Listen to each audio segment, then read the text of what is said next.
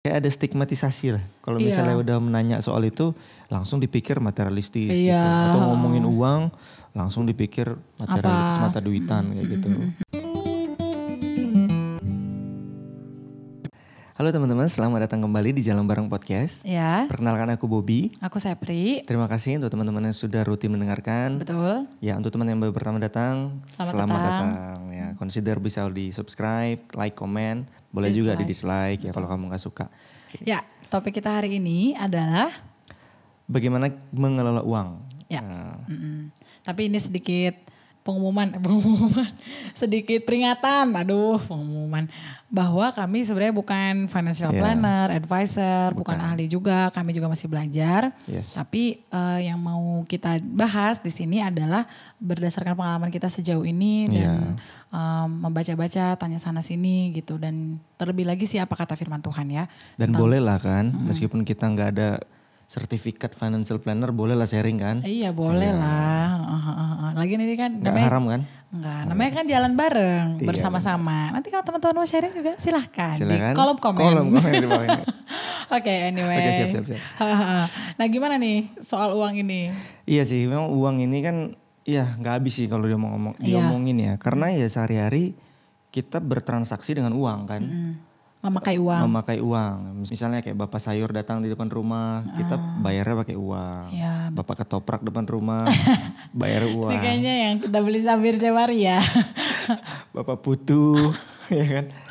Ya pesan Iya, bahkan pesan makanan via online platform juga menggunakan uang sebenarnya Iya. meskipun bentuknya bukan fisik kan, Fisik, seperti yang tadi bapak-bapak tadi gitu. Ya, tapi ya itu sehari-hari sih kita pasti pasti menggunakan menggunakan uang. uang. Either menggunakan uang atau kita juga mencari uang. Atau ya mencari kan? uang. Nah, dari pekerjaan-pekerjaan kita gitu kan yang eh, menghasilkan eh, income gitu. Yes. Dan topik ini juga menariknya menjadi hal yang cukup sensitif ya Iya untuk sih. dibicarakan baik secara umum, misalnya pertemanan umum gitu ataupun di kalangan komunitas, Komunitas Kristen. Oh, Kenapa sih kira-kira menurut Anda? Aku nggak tahu ya. Hmm.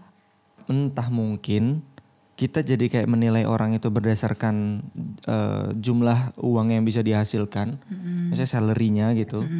Kayak bisa jadi kita ngecap tuh, oh si A teman kita itu nilainya sekian gitu. Eh, teman kita yang si B nilainya sekian gitu, berdasarkan income-nya dia. Oh iya Nah, ya. Misalnya Kal- Kalau kita- kalau aku sih Ya, ya, pribadi ya. ya, kalau aku aku nggak makanya nggak mau mem- apa ya membahas terkait hal-hal yang sensitif kayak gitu. Hmm, kalau aku mungkin eh, agak malas, misalnya dalam tanda kutip ya malas bicara soal uang. Saya takutnya ak- orang berpikir aku tuh materialistis Ah, gitu. iya, iya, Jadi iya, kayak bisa juga. Mm. eh, misalnya tanya ditawarin pekerjaan apa tuh eh, aku rada hesitate untuk nanya dibayar berapa gitu. Itu agak Hmm. ini karena aku takut kayak ya sebenarnya ini ada ada baik ada enggaknya juga sih Iya ya kayak sih. gini ya gitu. Cuman kalau pribadi aku kayak gitu. Iya iya iya.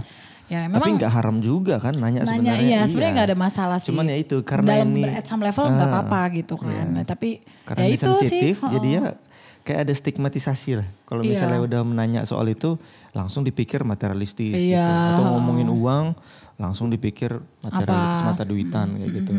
Padahal enggak ya. Karena uang itu pun sama seperti barang yang lain, cipta-ciptaan sama kayak mikrofon ini. itu kan juga sebenarnya anugerah dari Tuhan, pemberian Tuhan buat hidup kita kan. Dan bagaimana kita mengelolanya butuh hikmat sehingga supaya jangan jadi kacau dalam mengelola uang itu Iya, betul, yang sudah setuju. dipercayakan ke kita. Iya. heeh. Nah sebenarnya sih menurut aku orang-orang udah mulai merasa eh, sekarang ini ya trennya udah mulai merasa kayaknya penting deh tahu bagaimana mengelola uang ya nggak sih? Ah. Udah mulai melek ya? udah mulai melek istilahnya apa sih financial literacy ya atau apa Ya, gitu. betul. Heeh.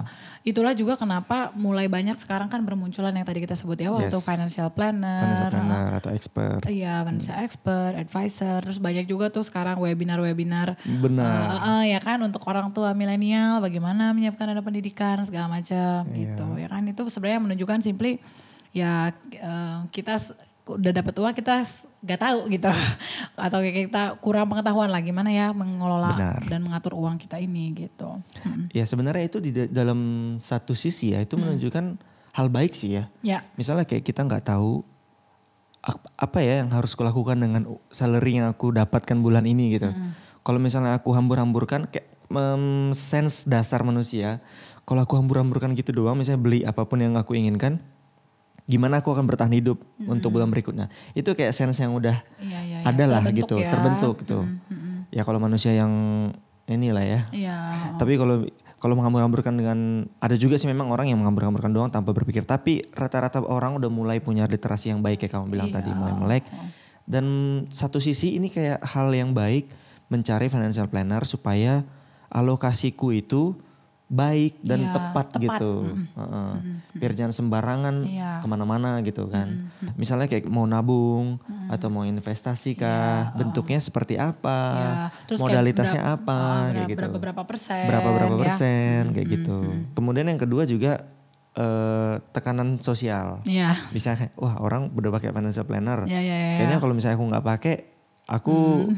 salah nih gitu. Iya iya ya, makanya bener, bener, bener. orang berbondong-bondong ikut belajar ya. Belajar oh. kayak gitu. Hmm. Ya sebenarnya gak salah juga sih gitu ya iya, kalau misalnya salah itu. juga hmm. sih. Hmm. Hmm.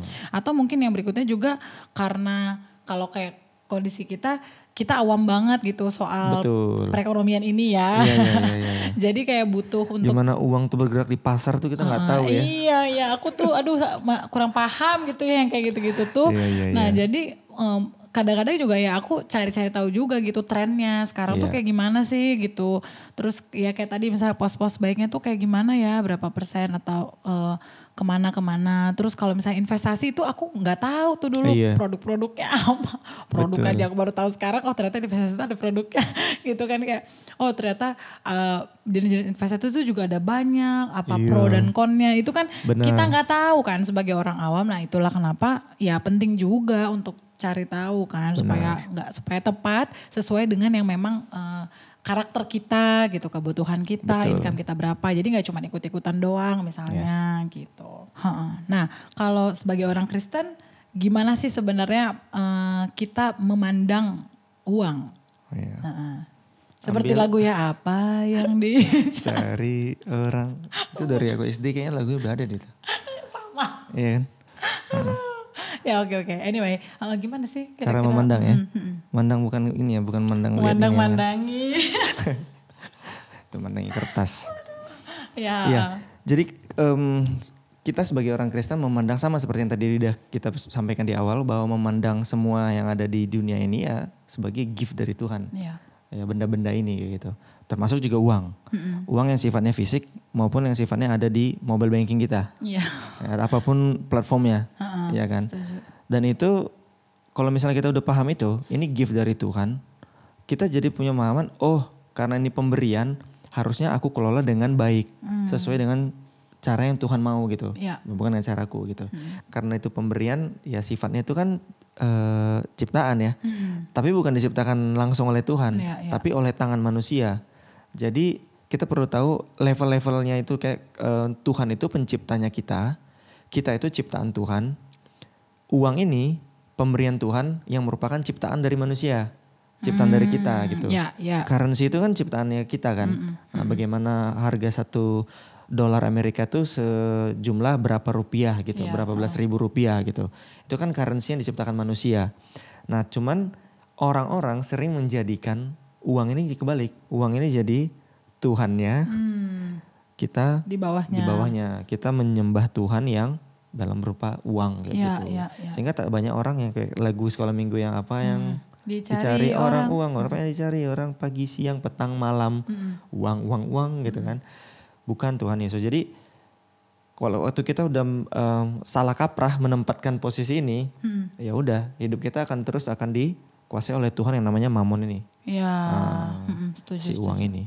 Iya benar. Dan di Alkitab juga ada beberapa contoh ya sebenarnya yeah. orang-orang eh, tokoh-tokoh gitu yang um, terperosok gitu, gara-gara dia menjadikan um, harta gitu sebagai yeah. Tuhan ya. Kalau dia perjanjian lama, tadi yang kita pikirkan adalah Gehazi, bujangnya Elisa gitu. Yeah. Waktu dia melihat Naaman itu uh, bukan orang sakit kusta yang perlu disembuhkan fisik dan jiwanya sebagaimana Elisa melihatnya gitu, hmm. tetapi sebagai kayak uh, uang berjalan gitu. Hmm. Jadi kayak pas Elisa bilang enggak, ah sayang banget nih harusnya yeah. uangnya bisa gitu. Akhirnya kan si Gehazi juga kena kutuk.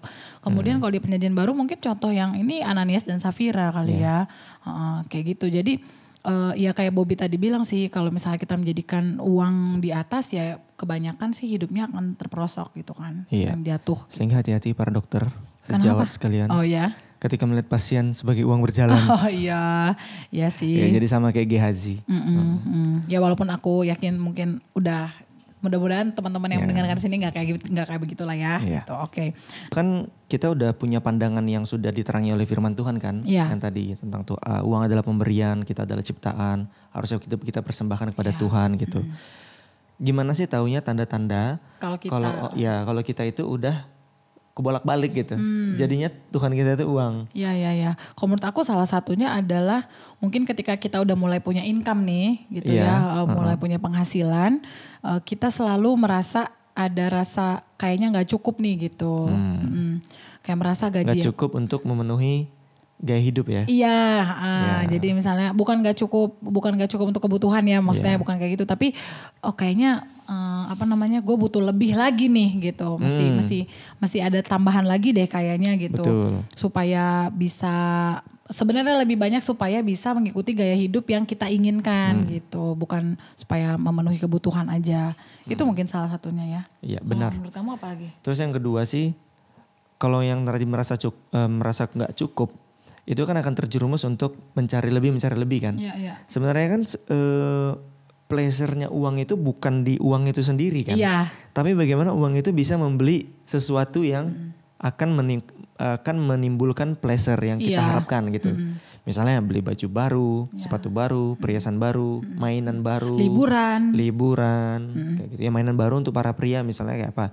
Gitar, atau barang elektronik, mobil dan lain sebagainya, Mm, tools. tools dan lain sebagainya lah yang bentuknya barang gitu. Iya, iya, Jadi iya. bukan di uang itu sendiri Hmm. atau bukan angka-angka yang ada di mobile banking itu sendiri Iya, iya. gitu. Nah, waktu kita udah terperosok kepada hal itu, Mm-mm. menjadikan barang-barang itu ya kayak menjadi pemuas hidup kita, itu kita akan jatuh kepada sebuah ilusi yang kalau katanya Bapak Paul Tripp, itu sebuah ilusi yang mengatakan bahwa the next big purchase will finally make me content gitu. Hmm. Padahal enggak gitu. Oh. Karena aku kebayang kan, Ya, ya, ya. kayak membeli sesuatu, aku pernah sih pengalaman waktu dari waktu awal kita nikah lah, Hmm, hmm, hmm. membeli barang A, waktu di online shop ini, udah beli, senang nih Hmm. hari-hari pertama, tapi berapa berikut berikutnya Ya biasa aja biasa gitu lagi ya. browsing-browsing lagi di Ah. online shop tersebut, Ah, ah, ah. pengen beli lagi barang B, Hmm. pengen beli lagi barang C, sampai seterusnya seterusnya seterusnya kayak gitu. Jadi nggak pernah memang shopping itu membuat kita puas, gitu. Ya, oh, oh, iya sampai setuju. kapan pun gitu,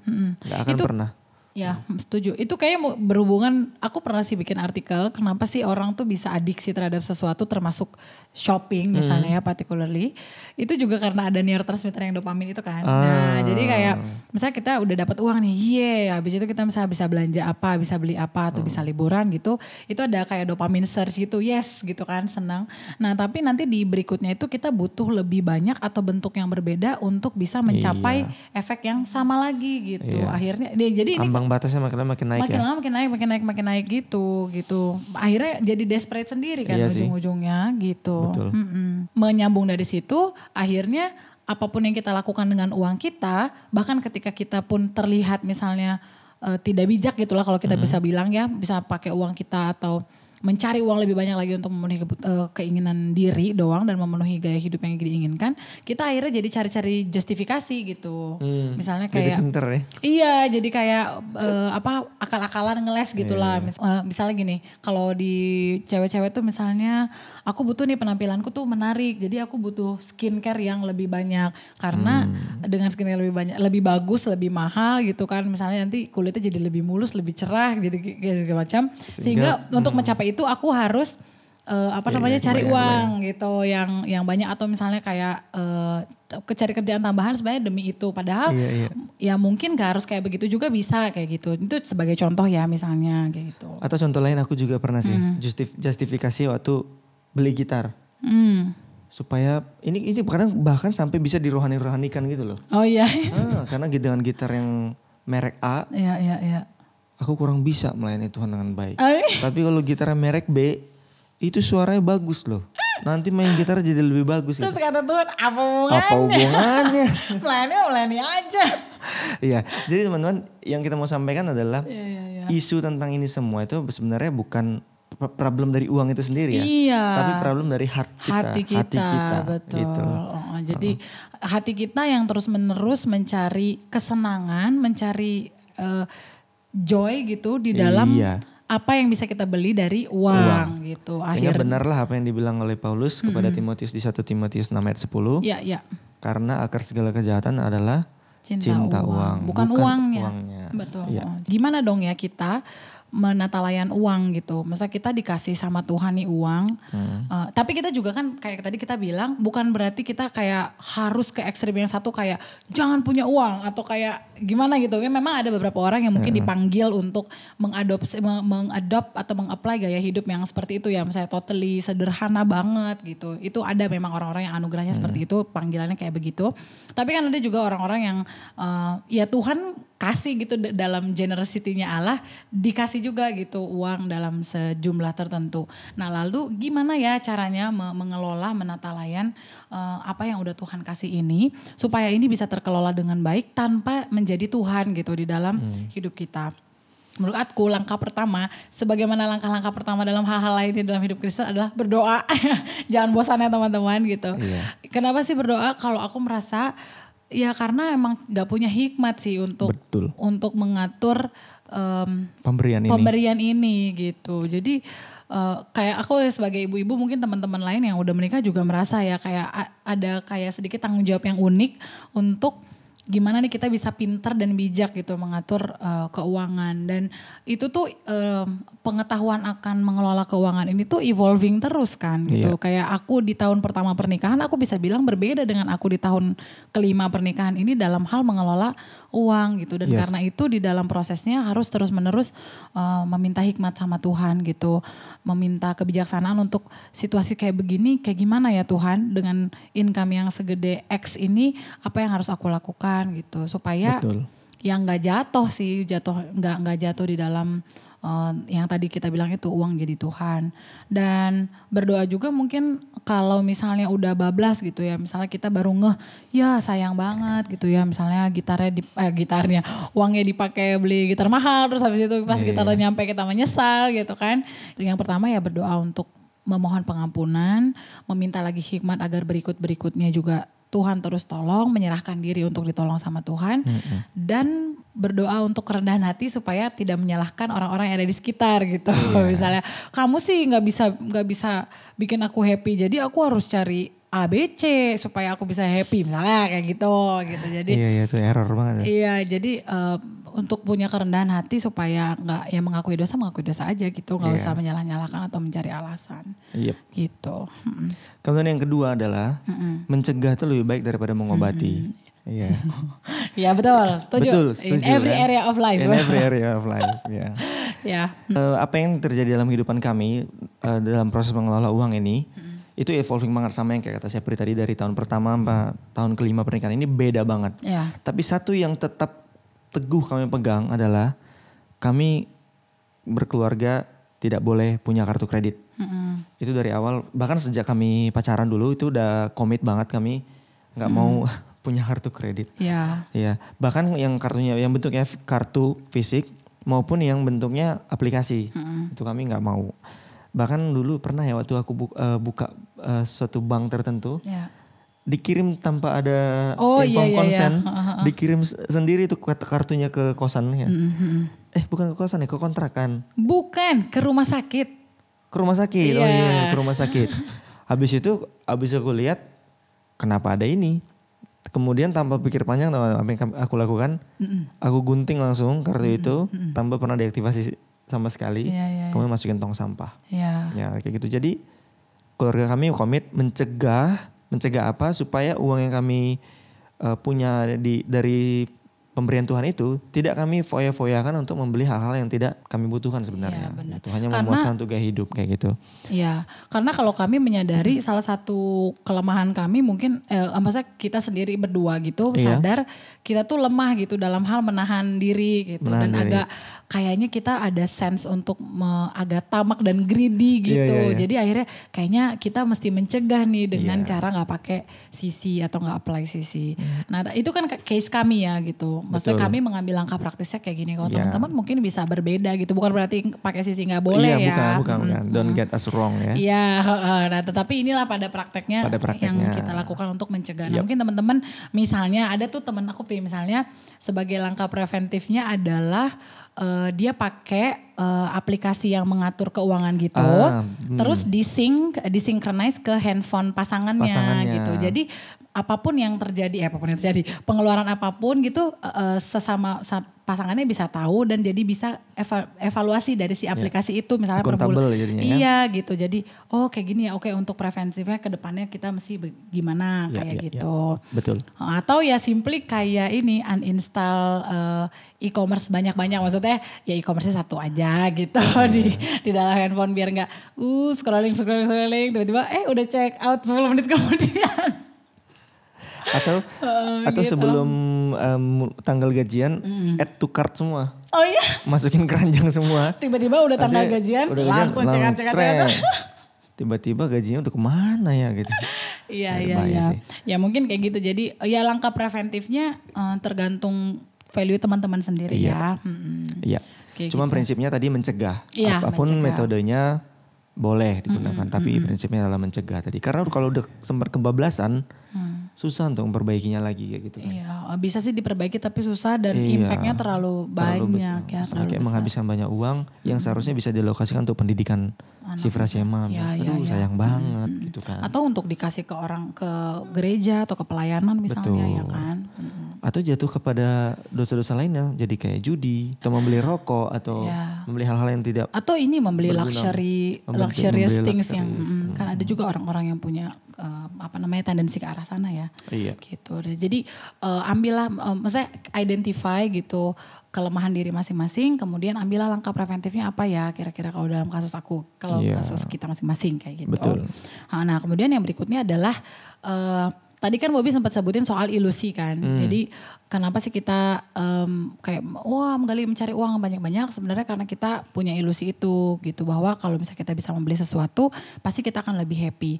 Nah gimana ya caranya supaya menghentikan ilusi itu? Ingatlah kejadian tiga gitu bahwa eh, sebenarnya itu adalah trik-trik jadul gitu ya kalau kita bisa Iya. bilang ya kan trik-trik jadul dari si ular gitu di kejadian tiga dia me- eh, mencoba untuk trap dan harusnya berhasil sih si Hawa dan Adam dan Hawa dikena trap gitu ya bahwa meragukan kebaikan Allah gitu kan meragukan kesetiaannya Allah Iya. meragukan happiness yang hanya bisa ditemukan di dalam Allah gitu jadi eh, berdiamlah di dalam firman Tuhan baca firman Tuhan setiap hari supaya bisa mengenali trik-trik apa sih yang bisa dilakukan oleh si jahat ini sehingga kita tidak jatuh di dalam ilusi yang dia ciptakan gitu dan juga salah satu antidotnya lagi yang lain adalah dengan hidup sederhana sih di salah satu buku judulnya The Radical Disciple yang nulis John Stott ini juga rekomen kayak tipis bisa dibaca. Nah, salah satu karakter dari murid yang radikal itu adalah kesederhanaan. Iya. Gitu. Jadi ketika seorang murid itu sederhana hidupnya em, memiliki gaya hidup yang sederhana begitu ya,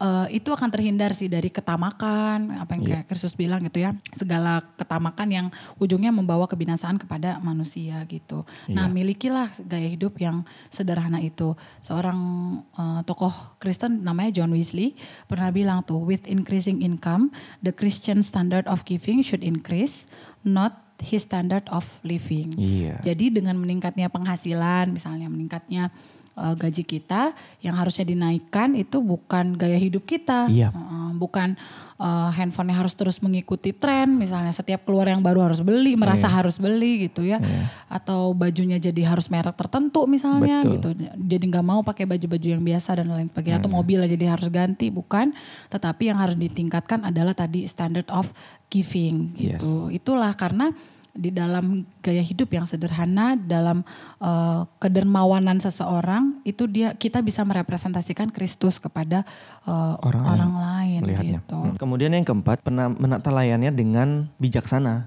Karena kan sebenarnya kalau prinsip uang keluar masuk itu sebenarnya gampang sih ya. Sebenarnya gampang kan. Mm-mm. Cuman kadang-kadang ada istilah dulu besar pasak daripada tiang gitu. Itu yang mau kita cegah sebenarnya. Oleh karena itu penting banget mengalokasikan atau kayak membuat pos-pos keuangan Mm-mm. yang akan kita alokasikan tiap bulannya. Iya. Kayak aku ingat banget tuh kamu dulu di awal pernikahan pakai amplop. Iya. Masukin di amplop itu jumlah uang yang akan kita uh, beli untuk groceries, bayar listrik, bensin motor dan lain sebagainya gitu kan. Nah kalau misalnya itu udah habis, berarti ada yang harus di-cut gitu. Iya. Nggak boleh misalnya ngambil lagi dari tabungan.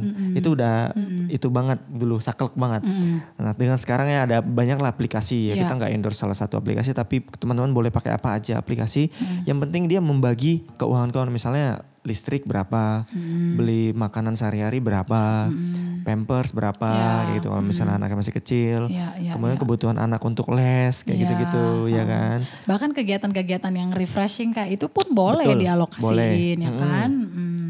Iya jadi kita bukan anti ya. Iya, hobi Eh, gitu kan. Hobi Mm. boleh gitu. Tapi dengan mengalokasi yang tadi ingat ada persen-persennya kayak Iya, gitu.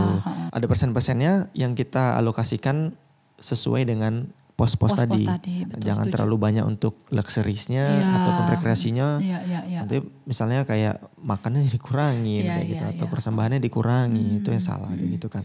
Nah, jadi kita bukan orang yang anti yang namanya investasi, Iya. anti yang namanya menabung, Iya. anti yang namanya memberi persen bukan. Tapi kita dengan bijaksana mengalokasikan itu semua Mm-mm. untuk kemuliaan Tuhan. Setuju. Supaya apa? Supaya kita makin sadar bahwa Tuhan pencipta kita, kita ciptaan, uang ini pemberian Tuhan. Ya. Sehingga bisa kita kelola dengan baik. Iya. Sehingga jadi nggak nggak jadi kebolak-balik Nggak gitu. jadi kebolak-balik Nggak urutannya ya. Nah, jadi uang yang ngatur kita, jadi, eh beli ini beli ini. Ah, iya, Beli itu beli itu gitu. Mm-mm, mm-mm. Ah, jadi terombang ambingkan gitu. Ya benar-benar. Nah tetapi itu juga ada eh, sisi yang lain. Karena ada juga nih yang sekarang anggapan yang bilangin lebih yang eh, oke lah standard of livingnya biasa aja. Mm-mm. Nah tetapi bukan standard of giving juga yang dinaikin. Tapi tabungan dan investasi Ah, yang standard di- of investing ya. Iya jadi kayak investasinya Iya nih sih. harus kita tambahin terus-terusan atau kayak eh, tabungannya terus gitu kayak harus harus makin bertambah gitu. Ya, nah meski- it- ya meskipun orang hidup dengan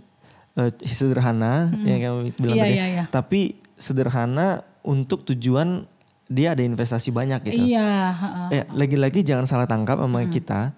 Kita tuh bukan orang yang anti investasi, maksudnya nggak eh, boleh investasi gitu. Boleh investasi, cuman kalau udah investasi itu yang menjadi tujuan kita, bahkan sampai-sampai aku takut lima tahun lagi aku akan kenapa-kenapa sehingga aku butuh investasi. Jadi kayak kita takutnya itu bukan bahkan mengandalkan Tuhan apa eh, akan hari esok, tapi mengandalkan si investasi itu gitu. Benar betul. Nah, akhirnya jadinya hidup sederhana sih hidup sederhana.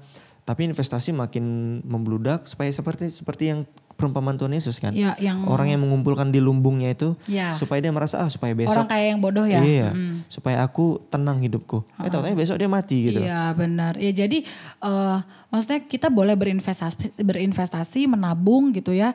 Tetapi janganlah lahir dari rasa takut Betul. akan masa depan gitu. Iya. Jadi Tapi karena kita mau mengelola ini Betul. dan kelak pun ini kalau mau dipakai nanti untuk menolong Apa orang gitu. lain, menolong Iya, keluarga oh, atau untuk hal-hal yang lain Mm, mm, mm. yang kita nggak tahu ada yang sakit Iya. atau ada yang Hmm. kedukaan kita nggak tahu kan. mm, mm. Itu tujuannya, tapi bukan untuk supaya kita makin prosperous. Iya Kita benar. makin kaya, Atau kita bukan. meletakkan keamanan jiwa kita pada Betul. hal tersebut. Karena Iya. seperti yang di Tuhan kasih tahu di Lukas 12 yang di orang kaya bodoh itu juga kan gitu ya. Ketika dia membangun lumbung yang makin besar, dia kan bilang jiwaku tenanglah gitu. Karena Iya. hartanya udah banyak. Eh taunya dalam semalam kan habis yang kayak kamu Iya. bilang tadi juga kan. Jadi eh, ya itu sih maksudnya berinvestasilah tetapi tidak lahir dari eh, rasa, Rasa- takut gitu. Dan ini tuh akan tercermin ketika misalnya nih kalau kayak aku kan freelance ya kerjaannya gitu ya. Jadi kan kadang-kadang eh, income-nya tuh Fluktuatif. fix ya ha, gitu.